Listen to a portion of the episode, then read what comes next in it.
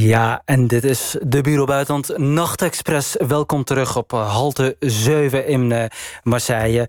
Um, ik moet uh, een kleine toelichting geven. Zitten in een nieuwe studio en de techniek werkt niet altijd even goed mee. Daarvoor onze excuses. En daarom wil het wel eens misgaan met de vormgeving. Marijn Kruk is onze reisgids in Marseille. Welkom terug in het tweede uur. We hebben veel te bespreken. We gaan het hebben over de populariteit van Emmanuel Macron. Um, en of dat helemaal terecht is en wat hij allemaal bereikt heeft. Um, maar ik wil eerst um, beginnen bij de buren, bij de Duitsers. Hmm. Want dat is uh, vrij belangrijk, ook voor Parijs. Duitsland heeft waarschijnlijk na twee maat... als de leden van de Sociaaldemocraten hun definitieve zege gegeven... een zeer progressieve, of een zeer pro-Europese regering moet ik zeggen. Heeft Emmanuel Macron de champagnefles ontkurkt? Uh, dat uh, weet ik niet. Uh, maar als ik denk het wel. In die zin dat Macron staat in de startblokken klaar... om een heel ambitieuze, heel, ja, heel ambitieuze Europa-politiek te voeren. En die wacht eigenlijk op een soort van... nou ja, dat er in Duitsland ja, een regering komt. en hij hoopt met... dus, ja, en die, hij hoopt dus met Angela Merkel aan het hoofd. Ja, hij hoopt met Angela Merkel aan het hoofd. Je noemde zelf de verkiezing van uh, Emmanuel Macron afgelopen jaar uh, op de correspondent, geloof ik, op de website van de correspondent moet ik zeggen, um, hoopvol. En dat vond jij ook van de Bondsdagverkiezing. Waarom is het zo hoopvol? Nou, het is hoopvol als je, um, als je, als je, als je, ja, als je, als je een Europeaan bent. Hè? Als je dus het beste voor hebt met, uh, met onze Europese Unie, wat ik eh, wat ik in de, in de, in de grond wel heb. Mhm. Of ben. Uh, dat er een soort van positieve energie is. Een soort moment eigenlijk komt na een hele, ja, ja, na een aantal jaren van, van zeg maar, crisismanagement, dat er weer ambitieuze visies worden gelanceerd. En zoals Macron dat deed, uh, in, zijn, in een speech in de Sorbonne, in, ik geloof dat het in september was. Ik heb, uh, ik heb voor de Maarten heb ik een lang stuk uh, gemaakt over de, Euro ja, over de, over de Europa-politiek van Macron. Dat was wel interessant om daar eens in te duiken. En um, ja, gewoon hij, ja, hij heeft het idee gelanceerd van een Europese soevereiniteit. En, en uh, dat in Nederland misschien een beetje uh, gevoelig ligt, omdat daar... Nou ja, niet alleen maar in, Nederland, ook in andere Europese steden... Uh, is niet het gevaar dat Berlijn en Parijs, uh, Charlemagne... met andere woorden, zoals ze vaak ook liefkozend genoemd worden... te snel gaan voor de rest van Europa? Ja, nou dat is zeker het geval. En dat is ook wel de mensen die ik sprak, die er echt verstand van hebben. En die die Europa-politiek van dag tot dag volgen. En ook Macron daarin kunnen positioneren bang zijn dat hij toch te makkelijk voorbij gaat aan, uh, nou, aan, bepaalde, ja, aan bepaalde eigenaardigheden van, van bepaalde lidstaten. Of dat nou uh, lidstaten, of dat nou Zweden is of, uh, of Hongarije. Ja, en dat, die pro-Europa-agenda van Macron, hoe leeft dat bij... Je hebt ze natuurlijk niet allemaal gesproken... maar bij de gemiddelde Fransman en Fransvrouw... is dat iets van, nou ja, het ja, zal allemaal nou, wel? Of... dat, dat is dus een van de raadselen van Frankrijk. Um, in Frankrijk kan je gewoon voor de dag komen met een vlag van de Europese Unie. Um, Macron heeft ook de, ja, dat heel nadrukkelijk en consequent ook... dat hij bij meetings uh, nou ja, vlaggen van de Europese Unie... Ik zie hier nog niet zo snel... ermee fotograferen ja, naast de Franse vlag. Eh, ik zie Rutte nog niet zo snel met een uh, vlag van de Europese Unie zwaaien. Uh, maar dat is ook eigenaardig in die zin dat, dat dat wil zeggen... dat Fransen heel Europees zijn... Maar de gedachte die daar ook wel onder zit... is dat ze denken dat uh, heel Europa... Uh, dat zij heel, Europa Frans gaan maken. Ja. We gaan over een klein half uurtje verder doorpraten over uh, Emmanuel Macron... en zijn populariteit en wat hij tot nu toe bereikt heeft.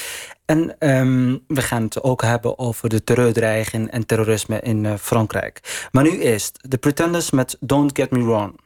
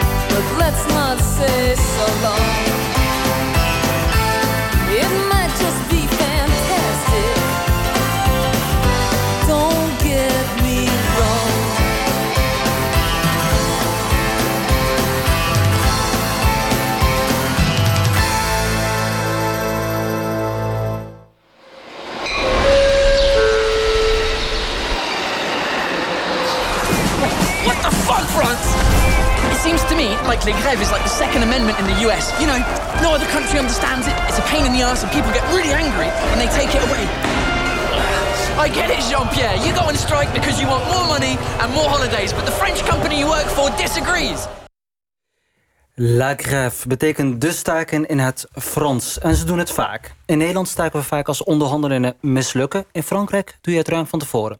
Klinkt niet heel logisch, maar het is een kunst... die de Fransen veel beter begrijpen dan wij Nederlanders, klaarblijkelijk.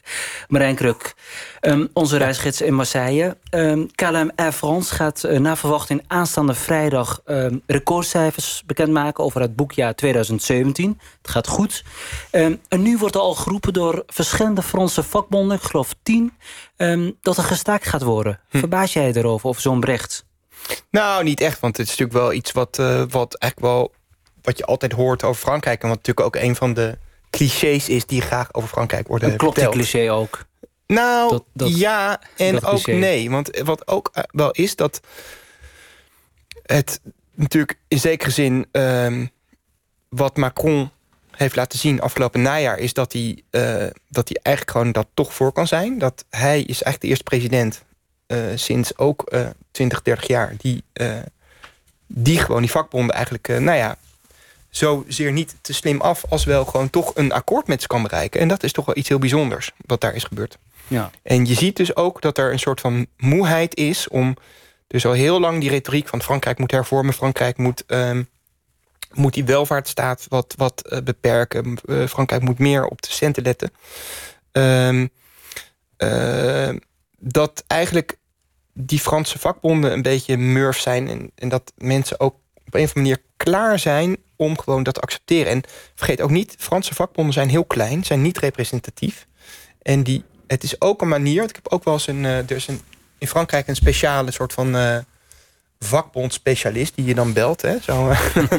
en, die heeft, en zijn analyse is um, dat die vakbonden zo radicaal zijn omdat ze kleiner worden. Dus uh, hoe kleiner, hoe, hoe kleiner, Ja, hoe kleiner ze worden, roepen, hoe harder ze moeten roepen om gehoord te worden. Ja. Maar als je kijkt, gewoon, uh, Franse vakbonden zijn heel slecht vertegenwoordigd. Ze zijn heel klein. Ze zijn bijna, ex, ja, gewoon bijna exclusief ook in de, in de publieke sector. Dus mensen die eigenlijk gewoon baanzekerheid hebben... zijn bij de vakbonden aangesloten. Mensen die in de privésector werken... zijn vaak gewoon uh, niet eens lid. Ja. Dus ja, en wat je ziet is dat de stakingen... vaak in heel strategische sectoren gebeuren. Dus dan is het natuurlijk gewoon gelijk raak. Hè? Dat als jij de benzine toevoer weet, uh, ja, gewoon weet af te snijden... omdat jij gewoon uh, omdat jij je mannetjes hebt zitten op, op de zes raffinaderijen... die er in Frankrijk zijn... Nou, dan kan je heel snel voor een, ja, voor een infarct zorgen in, uh, ja. in zo'n land. En die infarcten zijn regelmatig. denk ook bijvoorbeeld aan... Um, nou ja, het vliegen wat onmogelijk wordt gemaakt, treinreizen die ja. ongemaakt. ja. Wat, wat maar dat is weer datzelfde. Dat is weer datzelfde. Kijk, dat is die piloten ja, die pilotenbond is, is heel machtig. Dat, je, kan, uh, je kan dus heel makkelijk... Uh, ja, zo'n strategische sector kan je gewoon vrij makkelijk lam leggen. Zeg ja. maar. Dat zie je ook in Marseille. Hè? Want ja, we zitten eigenlijk in Marseille nog ja. steeds een beetje. Dat, ja. dat, daar heb je die haven. Nou ja, je hebt, je hebt één klein clubje ja, het is maar kraandrijvers... Mm -hmm. uh, die gewoon die hele haven kunnen blokkeren. En in zekere zin ook die haven kapot hebben gestaakt. Dat, uh, want potentieel had die haven veel groter kunnen zijn. Ja, potentieel is een vrij kleine haven, maar uh, ja, gewoon grote, ja, gewoon, zeg maar grote containerbedrijven en schepen die laten Marseille links liggen en die gaan naar andere plekken toe, omdat ze weten dat, uh, dat ze er gewoon niet van op aan kunnen. Ja. Goed, ik zeg niet uh, dat, dat er niet gestaakt moet worden, maar wat je gewoon toch wel ziet is dat er, nou, is dat er, ja, dat er ook een soort van vermoeidheid is. Kwaadwillig, ja, en een soort van, en een soort van, uh, en een soort van uh, kwaadwilligheid zit. En een soort tegen elke prijs vasthouden aan, aan een bepaald privilege. Ja, en, en uh, ik zei het in mijn inleiding, staken voor het onderhandelen. ja, dat is een soort van... Wat is nou, de gedachte erachter? Wat preemptive strike, hè, is dat strike, ja. ja. ja. Dat is natuurlijk gewoon even je tanden laten zien. Want dat is het ook eigenlijk een tuurlijk, beetje, Tuurlijk, oorlog. het is puur politiek. Ja. Puur politiek, maar vergeet ook niet... Er wordt ook gewoon goed onder, onderhandeld. En een president die, die daarvoor open staat... zoals Macron dat kennelijk was afgelopen zomer... die kan gewoon dus ook dingen voor elkaar krijgen. Ja. En wat je ziet is dat Macron, die in Frankrijk geldt als een uh, ultraliberaal... Hè, zo heet dat dan, een soort van... Uh, eh, die, ja, gewoon, en een bankiersvriend. Nou, dat zijn allemaal geen, geen termen waar je in Frankrijk je op kan laten voorstaan. Die, ja, maar die kan toch met hele trotskistische eh, vakbonden ja, tot een deal komen, ken ik. Ja.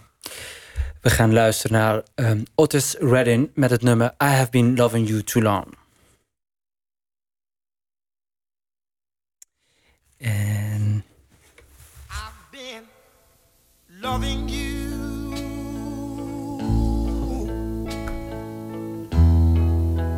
too long to stop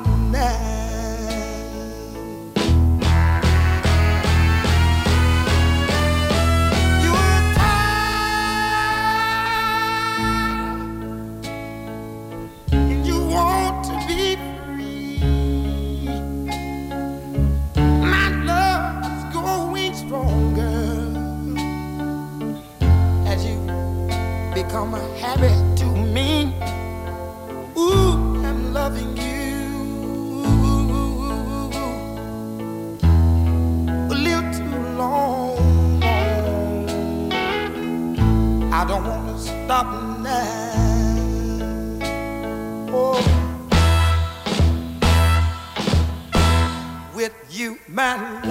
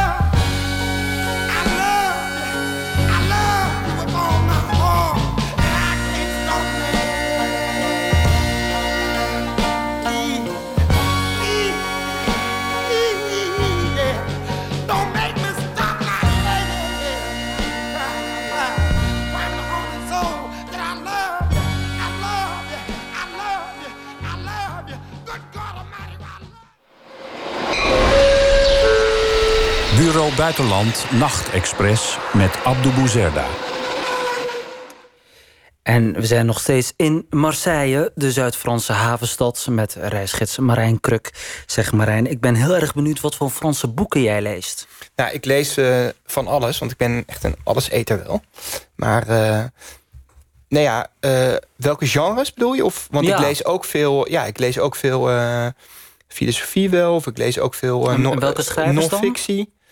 Nou ja, de, wie heb ik nou de laatste tijd een beetje te lezen? Dat, ik bedoel, ja, ik ben eh, journalist, dus ehm, eh, dan is het ook fijn dat je, dat je dan eh, af en toe mensen mag interviewen. En dan Ja. ga je hun oeuvres ook lezen. Dus ik heb afgelopen, afgelopen zomer heb ik Marcel Gauchet geïnterviewd. Dat is een, een van de meest prominente Franse denkers. En ja, dus dan heb ik zijn oeuvre gelezen. Wat, wat heel, eh, ja, Ja. over de moderniteit. En als het mooi niet voor werk moet, maar gewoon een goede roman. Daar moet ik nou, dan soms denken. kan ik ook gewoon, eh, ook gewoon romanciers interviewen. En dan is dat ook weer helemaal excuus. Dus ik heb eh, werk, ja. afgelopen december heb ik voor de Groene Amsterdammer heb ik een, ja, een, een, ja, een jonge Franse schrijver geïnterviewd. Die heet Mhm. Edouard Louis. Die is ook ja, die is eigenlijk vorig jaar internationaal doorgebroken. In, die moeten we in de gaten houden. Ja, in Amerika. En die heeft twee boeken die allebei vertaald zijn in, in Nederland ook. En dat is een... Uh, ja, volg ook de titels van zijn boeken? Ja, dan moet ik even denken. Dat heet... zijn laatste boek heet Geschiedenis van Geweld. Mhm. En zijn eerste boek, zijn debuut, dat heet Weg met Eddie Belgueul. En dat is eigenlijk zijn oorspronkelijke naam. Want hij heet Eddie Belgueul. Uh, die heeft hij, heeft zijn naam later veranderd naar Edouard Louis. En hij komt uit dat noorden wat we eigenlijk eerst beschreven. Uit zo'n dorpje waar eigenlijk iedereen Front Nationaal stemt. En zijn ouders ook. En hij, ja, en hij, uh, ja, en hij is homoseksueel. En hij voelde zich daar niet... Uh, ja, hij werd erg gepest. Hij had er heel erg moeite om zich daar te redden. En hij, hij is erin geslaagd om daaruit te ontsnappen. En om echt die breuk met zijn milieu compleet te maken... heeft hij zelf, ja, zelfs zijn naam veranderd. Zelfs zijn achternaam veranderd. Um, jij kunt natuurlijk goed vergelijken met Nederland en Frankrijk. Heb je het gevoel dat er in Frankrijk uh, meer gelezen wordt? Uh, misschien zijn er cijfers over, ken je die? Ja. is Frankrijk meer verslaafd aan haar eigen literatuur en nou, dan Nederland? Die cijfers ken ik niet, dus daar kan ik geen, niet echt uitspraak over doen. Maar Frankrijk is natuurlijk wel een land van lezers. Ja. Een land van hele grote literatuur. Echt een van de grote literatuurlanden natuurlijk. Met, uh, nou ja, noem ze maar op. Hè, van, van, van Flaubert tot uh, de hele 19e eeuw met alle romans. Maar ook met nou ja, wereldberoemde moderne schrijvers zoals uh, Michel Houellebecq. Die ook over de hele wereld bekend zijn. Wat je ook wel ziet, ik las laatst uh, een reportage van, uh, ja, gewoon, uh, van mijn collega Peter Vermaas in NC Handelsblad over, over boekwinkels. die eigenlijk heel goed in staat blijken om te overleven omdat, ja, in de tijd van, van Amazon. Um, en dat is toch ook wel een teken dat, um, nou ja, dat die leescultuur in Frankrijk echt toch wel heel sterk is. En het verbaast me altijd. Ik geloof dat je hebt die beroemde rentrée, dus van de, van de, dus van de, ja, de opening van het literaire seizoen in september. Mhm.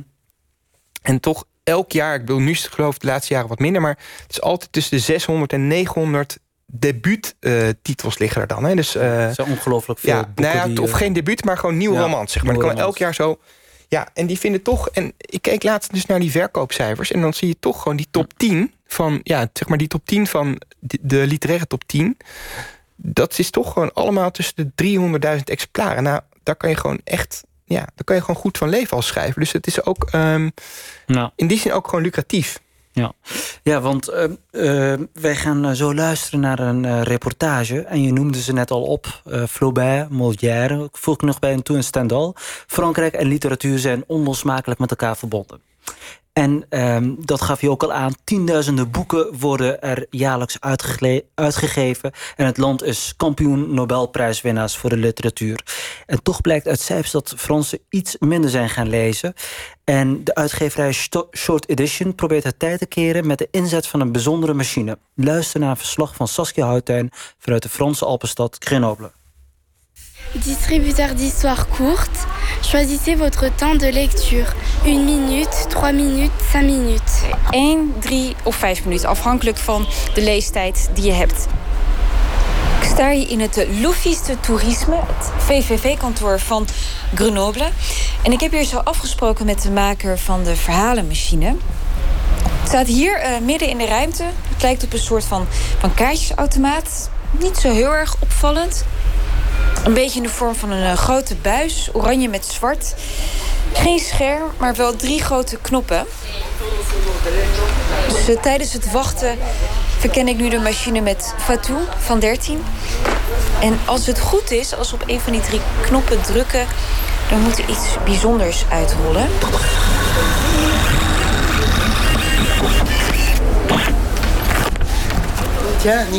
La traque de Jacques. De jacht op Jacques. Geschreven door Vero. Zou je een stukje willen voorlezen, Fatou? Tu veux euh, lire un petit morceau? Oui. J'en ai ma claque de ce cloaque. Silo hockey, Jack. Un vieillard maniaque, hypochondriaque et paranoïaque, qui, dans son précaire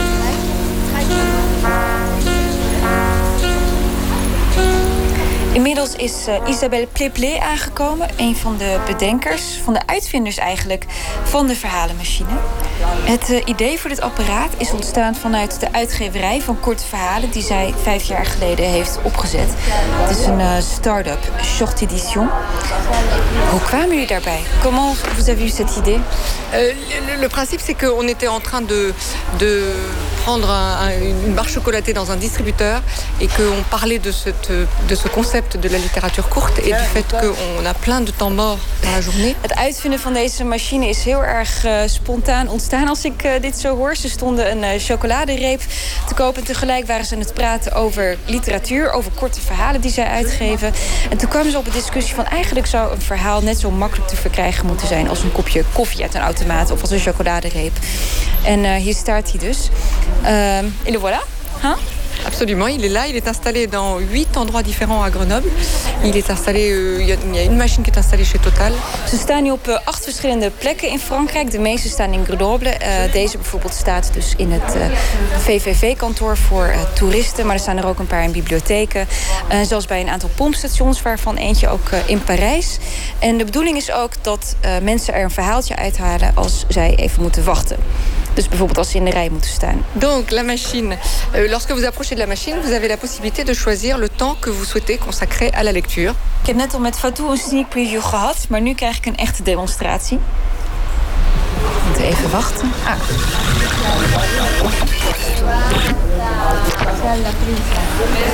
Kijken, wat hebben we hier? Je sais pas. Door Muriel Roland Darcourt. C'est-à-dire ce sont des nouvelles courtes, des BD ou des poésies, ou des nouvelles très très courtes. Oké, okay, dus hier hebben we een verhaal, een uh, soort van mini-novelle. Maar het had ook een stukje poëzie kunnen zijn of zelfs een stripverhaal. Wat leuk, het zijn een stuk of vijf alinea's en dit moeten we dus in één minuut kunnen uitlezen. Et euh, je, je vais pas le traduire parce que déjà traduire de la littérature en direct. Precies. Live literatuur vertalen, daar moeten we maar niet aan beginnen. um, en, en, wie is dan deze uh, auteur, deze Muriel Roland Darcourt? Hoe komt ze dan in deze machine terecht? Alors cette Madame Darcourt euh, est une auteure anonyme de talent qui a déposé son texte sur la plateforme de Short Edition. Oké. Okay. Het systeem werkt zo. Ze hebben ook een website en daar kunnen mensen gewoon zelf hun verhalen, hun korte verhalen die ze hebben geschreven, indienen. Het is eigenlijk een soort van Wikipedia eigenlijk. En dan de beste verhalen, die halen de selectie en die komen dus ook in de machine terecht. En wat is nou precies de gedachte achter deze machine? Wat willen jullie hier nou uiteindelijk mee bereiken? Ce qu'on veut, c'est rapprocher la lecture de tout le monde. C'est relancer, sauver la lecture. Eigenlijk is het gewoon de bedoeling dat mensen even opkijken van hun smartphone en weer eventjes tijd maken voor een goed verhaal op papier. Hoe kort het ook mag zijn, want het is natuurlijk niet hetzelfde als een heel boek.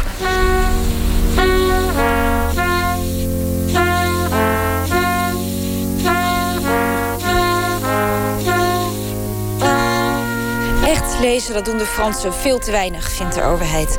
Vooral jongeren laten de literatuur steeds vaker links liggen. Een catastrofe wordt het wel genoemd voor het land met van, uh, van oudsher zo'n sterke literaire traditie. Ik ga nu even de proef op de som nemen bij Champollion. Een van de oudste middelbare scholen van Grenoble. Het is een uh, uurtje of vier nu, de school is net uit. Op het plein hangen nog een paar groepjes wat oudere scholieren. Hoe heet je? Comment t'appelles-tu? Bah, Quentin. Quentin? Oui, Quentin. C'est quoi le dernier livre que tu as lu? Wat is het laatste boek dat je hebt gelezen? Euh, ça remonte à loin. C'était des livres pour, en, pour enfants que je lisais euh, quand j'étais euh, au collège. Ouais, au lycée, je lisais encore un tout petit peu, mais vraiment pas beaucoup. En het laatste boek dat hij heeft gelezen, dat was waarschijnlijk ergens in de onderbouw, dus een kinderboek. Hmm. euh, alors, moi, je m'appelle Laura. Euh, je suis étudiante en lettres à Champollion, donc un lycée à Grenoble. Laura wil journaliste worden en uh, daarom heeft ze ook letteren gekozen als richting uh, hier op de middelbare school. Wat vind je dan van het feit dat er zoveel geklaagd wordt dat er zo weinig wordt gelezen? Vooral onder jouw leeftijdsgenoten. Jij bent dan misschien wel een uitzondering. Alors c'est vrai, les gens lisent plus la littérature classique ou moins, enfin, parce que parce que l'école ne rend pas ça très séduisant. Ja, echt klassieke werken zoals het rood en het zwart bijvoorbeeld van de bekende Grenoble Stendhal. Dat boeit jongeren niet zo. En volgens Laura komt het eigenlijk een beetje doordat literatuur zo saai wordt gepresenteerd op school. Dat niet echt aantrekkelijk wordt gemaakt. Salut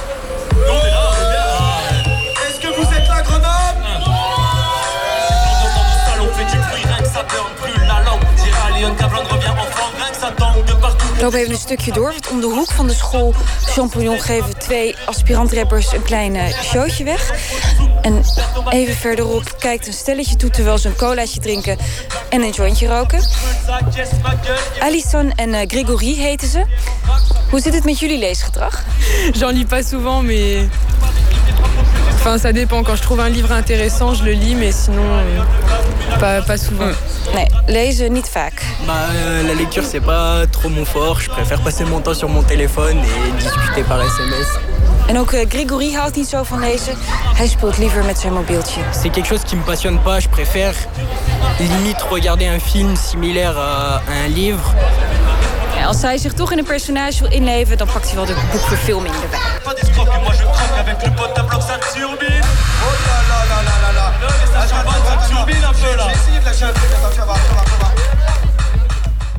Een reportage van Saskia Houttuin.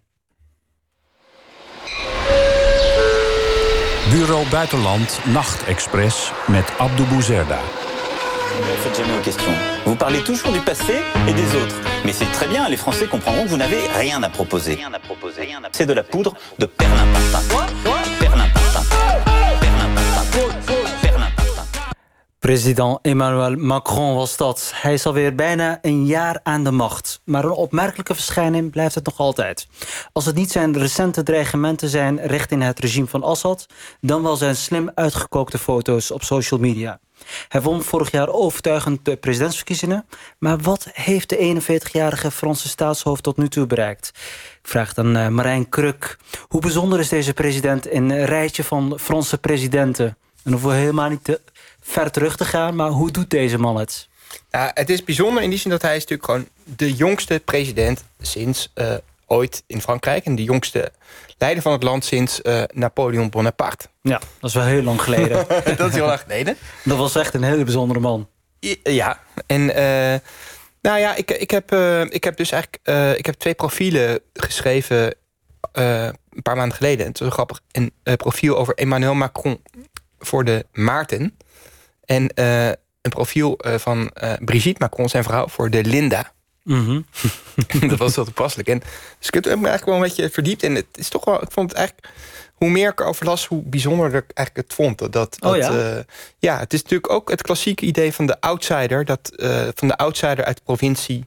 Dat is een belangrijk literair thema in de Franse literatuur. Ja. De outsider uit de provincie die, die de hoofdstad komt veroveren. En dat heeft, ja, dat heeft hij eigenlijk gedaan. Hij heeft dus de hoofdstad weten te veroveren.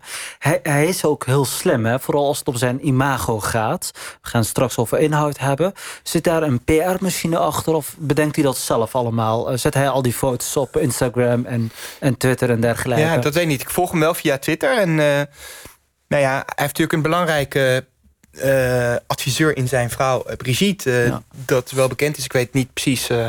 ja, ik zit niet in dat paleis. Ik, ik volg dat ook niet elke dag. Maar... Um, uh, ja, die, die heeft wel een belangrijke stem uh, daarin. En, uh, maar hij is op een of andere manier slaagt hij in om heel, nat heel naturel te zijn. En, ja, vind je? Want, want ik heb vaak de indruk als ik naar hem kijk... dan zit hij op een stoel met een beetje laks zijn arm over de arm leunen. En het lijkt een soort van... ja, ik moet dan vaak aan Napoleon denken. Ik denk van, hij zit daar een beetje als een soort van Napoleon. Nou, ja, ja, maar dat... dat, dat maar Napoleon had toch ook een soort, een, een, een soort naturel? Hè? Die, uh, ja, die, dat is weer waar. ja, ja. Nee, maar helpt het allemaal in de opiniepeilen? Het feit dat hij, zo'n oud, dat hij een outsider is, dat hij uh, slim omgaat met social media. Uh, hoe, hoe doet hij het nu? Als we kijken naar de populariteitscijfers. Ja, dat, ik moet zeggen, ik heb de laatste... Ik, ik Nou. moet ook wel zeggen dat de laatste weken niet... Ik volg dat niet... Ja, ik, um, We hoeven niet ik ben helemaal geen hoe, uh, meer, hoe doet hij het op straat bij, bij de Fransen? Dat weet ik eigenlijk niet. Ik heb sinds de verkiezingen eigenlijk geen Fransman meer op straat gevraagd... wat ze van Macron vonden. Ze klagen in ieder geval niet hard. eh, Ze zijn niet aan het eh, schelden over Macron. Nee, nee, nee. Je ziet een soort berusting, eerlijk gezegd. En dat vind ik Mhm. eigenlijk wel bijzonder. Want Fransen zijn altijd slagen zich in om zich heel boos te maken. Mhm. Maar het lijkt een beetje op zo. Mensen lijken een soort van moe te zijn. Van zichzelf vooral. Ja. En, ze, ze, ja, en dat is denk ik ook dat sentiment, die drive achter... een van de, belangrijk, een van de belangrijkste drivers achter Macron. Het is iemand waarvan mensen denken van... oké, het is laten we dit dan maar doen. Zo, weet je wel? Ja. En, en, eh, als het, ja, en als hij het allemaal niet... eh, Als hij het gewoon goed uitspeelt... dan kan hij gewoon de Fransen aan, hun- aan, ja, aan het handje nemen in zekere zin. En dat is wat hij heel slim doet. Ja. En wat heeft hij tot nu toe binnenlands eh, bereikt? Eh, heeft hij een van zijn belangrijke beloftes... bijvoorbeeld uit de verkiezingen van vorig jaar weten waar te maken? Ja, nou, dat, nou eh, wat natuurlijk, dat, maar dat is alweer een beetje terug. Maar hij heeft natuurlijk toch in, het, in het najaar, dat, waarin iedereen dacht van dit gaat hem nooit lukken met die vakbonden. En dat wordt weer, ja, het land kapot staken. Zoals, of nou ja, dat is een beetje onerbiedig, maar ehm, de, ja, de zittende macht, de straat dwingt de gekozen macht op de knieën. Dat is altijd het, eh, Mhm. het, het, eh, ja, gewoon het eh, systeem in, in Frankrijk. En dat is niet gebeurd. En dus ik weet niet, zijn belangrijkste verdienste vind ik tot dusver dat hij voor een soort van rust zorgt in het land. Ja. Wat, wat ja, en een soort optimisme. Ook bij die teruggestelde Front National kiezers... die niet hun favoriete kandidaat gekozen zagen worden? Ja, dat weet ik niet. Ik Nee. denk eh, dat, er, dat er een groot sentiment is van eh, dat de wereld wordt, de buitenwereld wordt als erg bedreigend ervaren. Ja. En eh, naarmate hij ervoor kan zorgen om dat er een soort zelfvertrouwen in het land te brengen, Mhm. ja, misschien dat dat sentiment ook minder wordt. Dat lijkt me wel waarschijnlijk. Ja, en ehm, hij komt ook met, met uitspraken, met ideeën. En een van de zaken die hij al aankondigde in zijn campagne... is een zogenaamde universele dienstplicht invoeren. Eh, de contouren daarvan zijn helemaal niet bekend. Die moeten in april eh, bekend gaan worden. Eh, hij spreekt van een dienstplicht, een civiele dienstplicht... maar Ja. je kunt ook kiezen voor een militaire dienstplicht. Maar Ja. het leger lijkt er nog niet echt op voorbereid te zijn. Nee, dat kan niet. Het is ook maar één of twee maanden of zo. Hè? Duurt dat dan? Ja, een- paar maanden, maar... Dan heb je evenveel bureaucratie nodig om dat te organiseren als, als je mensen. Ja, het is eh, ongelooflijk. En ik heb nog een beetje in aanloop naar deze uitzending zitten lezen. eh, eh, om hoeveel mensen gaat het dan? Het gaat om meer dan een half miljoen mensen per jaar... die dan zo'n dienstplicht zouden moeten Ja, ondergaan. Ja, nou kijk, het idee is natuurlijk op zich nobel. Hè? Dat je dus mensen leert om boven hun eigen directe... Ja, zeg maar, ja, boven hun eigen directe individuele belangetje uit te stijgen. En, eh, en iets voor de publieke zaak te doen. Eh, daar, Mhm. daar valt op zich natuurlijk heel veel voor te zeggen.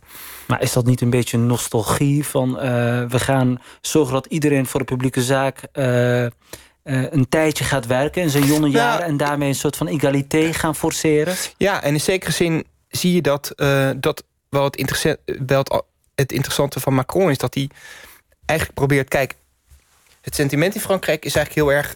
Hè, zeg maar, komend voorjaar vieren we eh, ja, de 50ste verjaardag van, van, van Mees van Hè? Dus die, eh, die, ja, die, die, ehm, die grote cultuuromslag die er na, eh, ja, die er na mei 68 heeft plaatsgevonden, eigenlijk in, in Frankrijk, in Amerika, in, in het hele Westen. Ja. Waar eigenlijk ehm, ideeën als gemeenschappelijkheid en traditie, autoriteit allemaal werden nou, aan kracht verloren. En veel meer eigenlijk de nadruk kwam op, op het individu, op, op, op zeg maar, emancipatoire bewegingen, maar ook op eh, meer ook op zeg maar, consumentisme.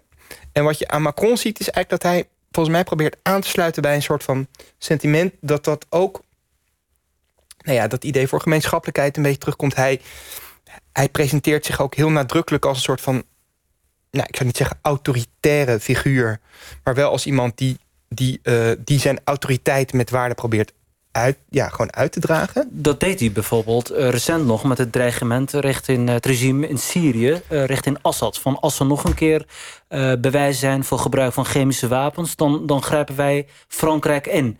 Een opmerkelijke uitspraak van een Franse president. Ja, maar heeft hij dat gedaan? Wat was dat? Mij stond bij dat dat Hollande was. Nee, Hollande heeft het in het verleden eh, nou ja, niet, niet zo sterk uit, eh, uitgedrukt. Maar eh, het is toch Macron die, die Ja. lijkt... Oké, oké. Dat, nou, dat kan. Dat heb ik even gemist. Dat, dat, ik dacht dat hij juist een, ja, juist een heel realistisch ja. iets voor stond met Assad. Dat hij juist zei... ehm, eh, we moeten met Assad praten. Hè? Dat, eh, zeg maar, Hollande had zich daar eigenlijk in vastgedraaid... zoals hij ook zich met Poetin in dat heeft. Macron zon- zonder meer gezegd, eh, inderdaad. ja, bij het begin ja, van zijn ambt, zeker. Kijk, het is gewoon niet aan Frankrijk om in Syrië ultimata te stellen. Ik bedoel, Frankrijk heeft wel een achtertuin. Syrië hoorde daar ooit bij. Mm. Is natuurlijk heel lang een Frans, een, Frans Protectoraat. protectoraat. geweest. Maar eh, het Franse leger kan, het, ja, kan de missie Mali maar net bolwerken, bij van spreken. Dat, dat, eh, dat, eh, Ze kunnen daar echt niets uh, uitrichten. Dat, het is dat niet is meer die wereldmacht die het ooit eens geweest was. Nee, op, op, geen, enkel, op geen enkel niveau. Nee. We gaan luisteren naar Sabrina Stark met het nummer Another Shade.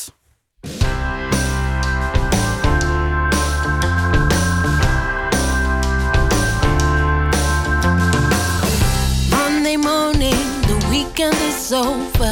Time to hurry up, down.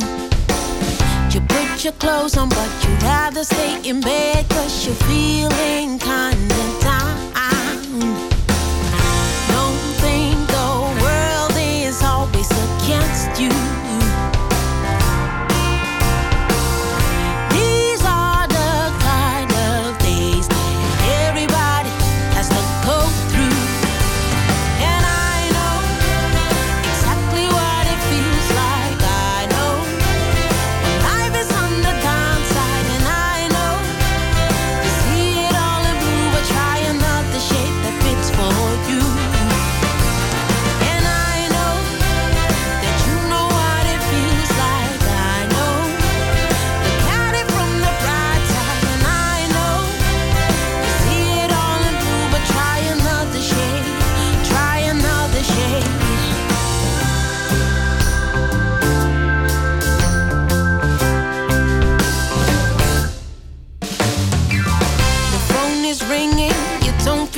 Talking, ain't got nothing to say. The sun is shining, clouds keep rolling in, nothing seems to go your way.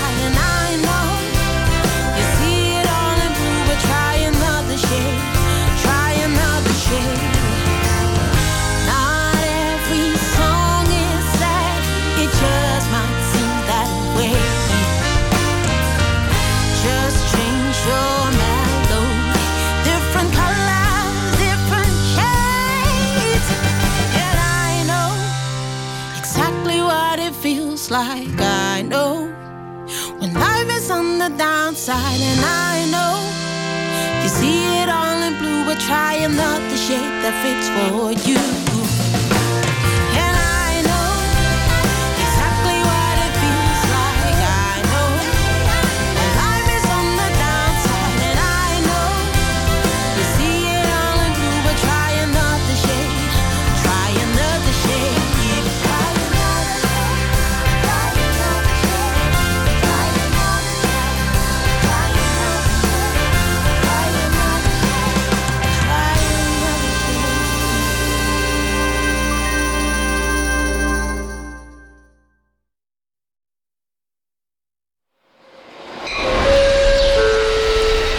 Buitenland Nachtexpress met Abdou Bouzerda.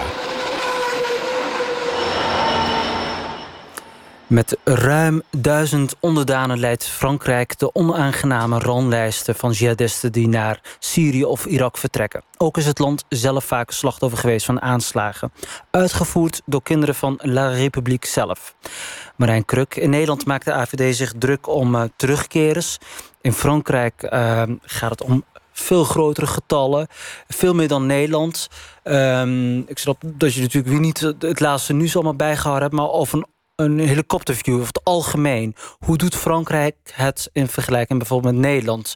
Uh, vervolg, vervolgen ze alle terugkerers? Uh, en misschien ook de Fransen die nu nog in Syrië zitten? De... De... Nou ja, absoluut. Uh, wat er nu aan de hand... Nu zijn die... Uh, uh, een paar weken geleden begon het proces tegen... tegen, tegen ja, natuurlijk in België, dus tegen die... Zeg maar, tegen die daders van de Bataclan-aanslagen. Mm -hmm. Maar het is, ja, het is, het is een... eh, ja, tuurlijk worden die mensen vervolgd. Dat, dat, eh, dat, Ja. ja. Ja. Ehm, de, de Franse jihadisten hebben niet stilgezeten in Syrië. Tussen het vechten door hebben ze zich ook eh, flink voorgeplant. Honderden baby's zijn er geboren, volgens de hoofd van de Franse inlichtingendienst. In Nederland is er de discussie van, oh nou ja, discussie, gewoon een standpunt van die baby's halen we niet terug, die kinderen. Eh, in Frankrijk, hoe, hoe, zit het, hoe zit het daar? Want het gaat echt om, om flinke Ja, aantallen. ja, ja. Ik, ik, ik, ik moet zeggen dat ik dat niet weet. Nee, Gewoon. Dat, ja. dat debat... eh, dat, ja, dat, Ja, ik- ik, ik- heb ik eigenlijk meer... Ik volg heb, het natuurlijk ook, maar ik ik, heb heb eigenlijk meer debat in Nederland eh, gevolgd dan, eh, dan in Frankrijk. Het eh, lijkt bijna hierover. geen discussie te zijn in Frankrijk, Nee, zoals in nee, Nederland. Nee. Toch dat- dat- opmerkelijk. ja, ja. ja. ja. Ongelooflijk. Ja, ik zei het net al, er zijn eh, verschillende aanslagen geweest in, eh, in Frankrijk. Ehm, en we gaan naar een reportage werken over deradicaliseren. En niet Ja. zozeer deradicaliseren van, ehm, vanuit de overheid, maar hoe gewone burgers dat doen. Want wat doe je als je kind vermoord wordt door moslimterroristen? Je kunt verteerd raken door verdriet, maar je kunt ook in actie komen. Dat deed Latifa Ibn Zaitan. Haar zoon, Imad, werd in 2012 vermoord door terrorist Mohamed Merah. Die schoot in Toulouse uit naam van de islam drie militairen en vier joden dood. Eén van de gedode militairen was de zoon van Latifa, die zelf Marokkaans is en moslim. Sindsdien reist Latifa scholen in, ehm, naar scholen in alle achterstandswijken van Frankrijk om jongeren te waarschuwen voor radicalisering. En om niet dezelfde weg in te slaan als Mohamed Merah. Correspondent Frank Renaud ging met haar mee naar een school in een arme voorstad van Parijs.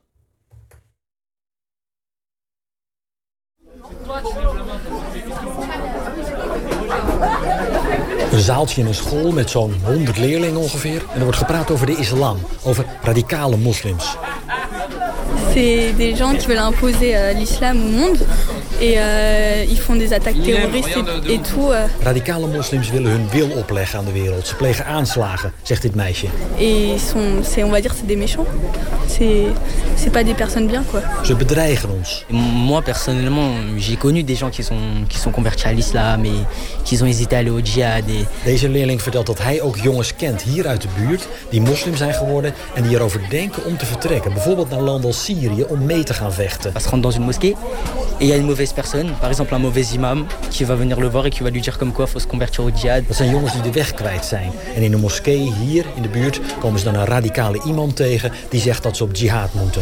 Ça mène à des actes comme l'attentat de Charlie Hebdo et voilà. Dat leidt dan tot aanslagen zoals op Charlie Hebdo. Voilà, je remercie Madame Cardin qui représente le rectorat de Créteil euh, de, de s'être déplacée. euh, Voilà. De directeur van de school neemt nu het woord. Hij vertelt wat er deze middag gaat gebeuren.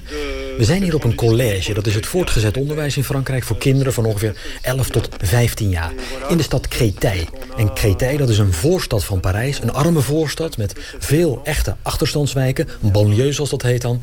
Met vooral allochtone bewoners. De tieners hier in de zaal zijn ook allemaal heel gemengd. Veel zwarte kinderen, veel Noord-Afrikaanse kinderen en een paar blanke kinderen. Bonjour. Je vous remercie de votre accueil. Merci de... Het is nu de beurt aan de gast van de dag. Alors, je me présente. Je m'appelle Madame Ibn Ziaten Latifa. Je suis la maman de Ahmed, le premier soldat qui était assassiné par Mohamed Marrah le 11 mars 2012 à Toulouse. Ze stelt zich voor Latifa Ibn Ziaten. En ze vertelt dat ze de moeder is van Imad, de 30-jarige militair die in 2012 werd vermoord door Mohamed Merah in Toulouse. Euh, Mohamed Marrah, je ne sais pas si vous vous rappelez un peu, qui a tué trois soldats, un amnésique et, et trois enfants juifs et un père. Ze vertelt over het bloedbad dat Mohamed Merah destijds uit naam van de islam aanrichtte. Hij schoot drie militairen dood en vier mensen op een Joodse school. Dat was destijds in 2012 natuurlijk groot nieuws. De ontknoping toen Merah werd doodgeschoten door agenten werd live uitgezonden op televisie.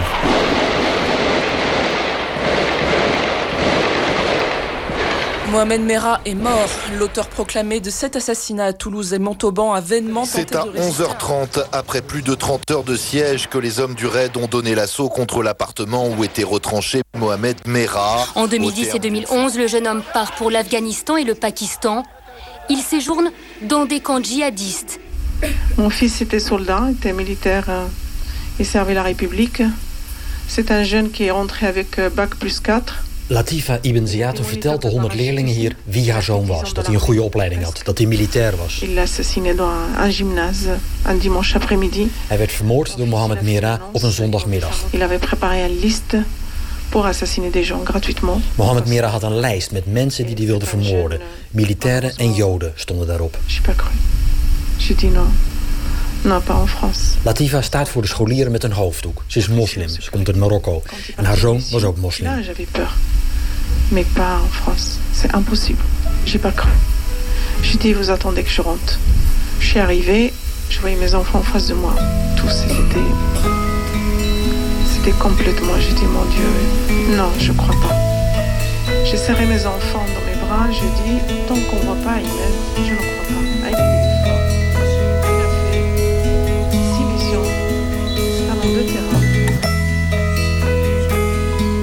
In de schoolzaal wordt het op een gegeven moment doodstil. Sommige jongens die nog eerst geintjes zaten te maken, houden daar nu mee op. En bij anderen valt zelfs hun mond open. Latifa vertelt over de tijd nadat haar zoon was vermoord. Wat ze toen deed. Et, et quand je me suis retournée sur le lieu où il est tombé Ahmed, Latifa ging terug naar de plek waar haar zoon was vermoord. Ik dacht dat ik er iets zou vinden, een teken of iets wat iemand voor me zou hebben achtergelaten. Les traces de... Trace de... Tombé. Maar ik vond niks. Op de grond waren alleen nog maar sporen van bloed te zien. C'était très difficile. Dat deed zoveel pijn. Ik heb toen hard staan huilen en schreeuwen op die plek. Toen dacht ik, ik wil weten wie die moordenaar is. Et je me suis dans sa cité. Et je tombais sur des groupes de jeunes. Ik kwam in de wijk terecht waar hij opgroeide. Daar stond een groepje jonge jongens. J'ai posé la question, est-ce que vous connaissez Mohamed Marrah Ik zei, kennen jullie Mohammed Mera? Et un jeune, il m'a regardé, il souriait, il me dit, Madame, Mohamed Marrah, c'est... Mohamed Marrah, c'est un martyr, c'est un héros de l'islam. Een van die jongens keek me lachend aan en zei... Mohammed Mera, dat is de held van alle moslims. Et là, d'entendre d'un jeune, Een jonge jongen die tegen mij zei dat de moordenaar van mijn zoon een held was. Dat was zo'n klap voor me. Je dis, vous voyez cette femme qui est en face de vous ben, Je suis la première. Ik zei tegen de jongen, weet je wie ik ben? Ik ben de moeder van de eerste die Mohammed Mera vermoordde. Ils étaient gênés.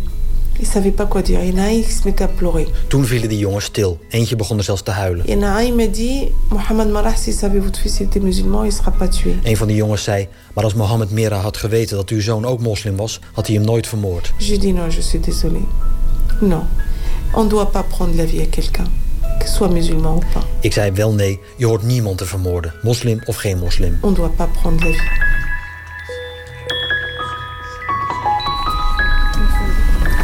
Que vous avez peur de la France maintenant Est-ce que j'ai peur De- Est-ce que vous avez peur de la France maintenant J'ai peur de la France Non. De kinderen hier op de school stellen vragen. Of ze bang is. Nee, zegt Latifa, Frankrijk is een rechtsstaat. Waarom ze niet huilt als ze haar verhaal vertelt. Omdat ik juist wil laten zien dat je sterk moet zijn, zegt ze. Latifa wil duidelijk een boodschap op de tieners hier op school overbrengen. Est-ce qu'il a changé quelque chose aujourd'hui Non. Mais malheureusement, il a laissé que de la souffrance. Mohammed Mira heeft niks bereikt. Hij heeft alleen maar pijn veroorzaakt bij nabestaanden. En hij heeft islam voor heel veel Fransen in een kwaad daglicht gesteld. C'est un jeune, malheureusement, il n'était pas aimé, il n'était pas élevé avec ses parents, il était livré lui-même. Mohammed Mira leefde op straat in kindertehuizen. Hij kwam in de gevangenis terecht en werd daar gebrainwashed door radicale moslims. Comme les deux frères euh. Bij de broers Kouachi, die de aanslag op Charlie Hebdo pleegden, gebeurde hetzelfde. Ze hadden geen thuis, geen ouders die op ze letten. Ze kregen geen liefde, iemand anders maakte daar misbruik van... en daardoor werden ze monsters. C'est certains parents, malheureusement, ils ont baissé les bras. Dat is wat overal in Frankrijk nu gebeurt. Jongeren in achterstandswijken worden aan hun lot overgelaten. Door hun ouders, door school. En radicale criminelen springen daar bovenop om ze te gebruiken voor hun spelletjes. Daar wil ik jullie voor waarschuwen. C'est pour ça qu'il faut faire attention. Je vous souhaite chance à vous et un bon réussite. Ik wens jullie veel geluk in je leven. Merci beaucoup.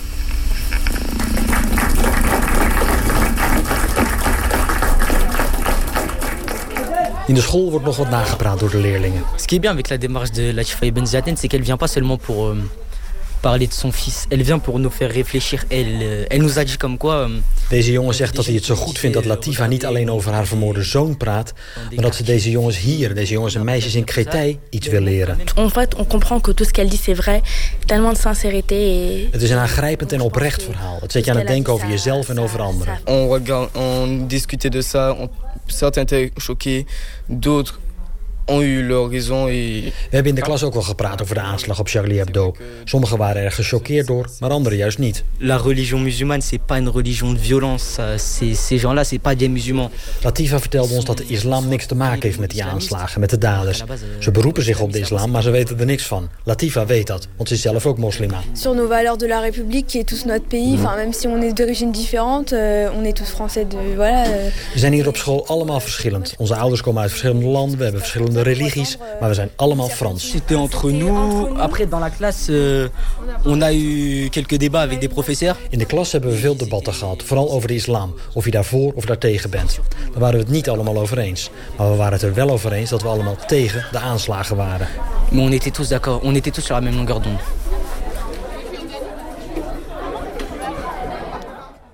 Een reportage van Frank Renaud. Putain. Oh, il est vrai qu'à Marseille, nous avons une manière bien particulière de construire nos phrases. hein. Et nous ne passons que très rarement dans les sentiers battus par ces enculés qui ont inventé la grammaire. Ja, dat was eh, de Franse comedian Frank Bousso over eh, toch de eigenaardige manier van communiceren van de mensen in Marseille. Ehm, veel met de handen zwaaien en om de drie seconden het woord putain laten vallen. Of enculé, hè? Nog, ook nog wel erger. Nog wel erger, ja. Herken je dit? Ja, zeker, zeker. Natuurlijk niet bij iedereen, maar eh, ja, een havenstad, hè? Ja, en eh, Marijn Kruk, jij eh, hebt daar natuurlijk een tijdje mogen ver- vertoeven. Eh, sterker nog, je hebt het Frans daar geleerd. Heb je nog iets overgehouden aan dat accent? Ja, nou, ik heb er zelf niks aan overgehouden. Maar wat wel grappig was, dat ik ben dus daar... Ja, daar ben ik begonnen met, met die Franse taal. En dus dat is wat je eigenlijk een beetje als de standaard dus neemt. Als de norm. Ja. En jaren later, toen ging ik een keer fietsen van, van Parijs naar Marseille. Ja, oh. Ja, en toen kwam ik over de Mont Ventoux. eh richting, eh, richting Marseille fietsen. En ik haalde het net niet, want het was echt donker. En toen ben ik bij mijn oude gastgezin aangeklopt. Hmm. Eh, S'avonds laat om, eh, om te vragen of ik daar mijn tentje in de tuin mocht opzetten. En toen praat ik met, met, nou ja, dus met mijn oude gastmoeder en haar dochter. En pas toen viel me op inderdaad hoe, hoezeer zij dat met dat ein, zo met dat ein en, en zo hebben. Ja. Toen dacht ik van, ja, maar wacht even. Ik heb dus echt een heel ander soort Frans geleerd dan dat er ja, echt, echt een heel lokaal eh, Frans inderdaad eh, gesproken zou. Ja. Dat is heel grappig. En ehm, eh, laten we het over de Franse taal hebben. In Nederland hebben we de hele discussie over verengelsen van het hoger onderwijs. Maar ook in Frankrijk steekt de discussie om de zoveel tijd op van... is de Franse taal aan het verdwijnen? Is dat een terechte zorg van de Fransen? Ja, nou, ik, ik, ik geloof het niet, maar dan is het dan niet echt heel erg aan Frankrijk te danken, maar aan de francofone landen. Eh, dus eigenlijk voormalige, ja, gewoon dus voormalige, eh, voormalige kolonies van Frankrijk. ehm, waar wel heel veel, ja, waar, waar veel Frans gesproken natuurlijk wordt, in, eh, vooral natuurlijk in West-Afrika. Maar het is natuurlijk een zorg, omdat die Franse taal is natuurlijk een uitdrukking van de Franse beschaving. in zekere zin. Het is een kunsttaal. Het is een, het is een taal die, ehm, nou ja, waarin eigenlijk Frankrijk zichzelf, eh, ja, eh, Frankrijk heeft een soort van universele pretentie en die taal hoort eigenlijk bij. En dus eh, dat oprukkende Engels, dat wordt ja, als bedreigend Dat is ook ervaren. het laatste bewijs dat ze ooit eens toe deden in de wereld. Een grote wereldmacht waren. Precies. Ja, ja een hele erfenis wat ze hebben. Ja. Ja. ja. Hey, ehm, je bent nu in Nederland. Wanneer ga je weer terug naar Frankrijk? Dinsdag. Dinsdag. Ja. En kunnen we eh, nog binnenkort mooie artikelen van jou verwachten? Ja, zeker. Maandag moet je even op de correspondent kijken. Dan, eh, ja, dan heb ik een Oh. mooi eh, verhaal vanuit Frankrijk met ook een Nederlandse link. Een Nederlandse link? Ja. Dat belooft wat. Voor vanavond, in ieder geval vannacht moet ik zeggen. Eh, hartstikke bedankt. Dit was de Bureau Buitenland voor vandaag. Marijn Kruk, hartstikke bedankt. Volgende week zit dirigent Frank Adams hier bij mij om over Buenos Aires te praten. Ehm, na het nieuws eh, de dagwacht met Chitse Zelstra. En vanavond om 7 uur de collega's van Bureau Buitenland met de jacht op homo's in Indonesië.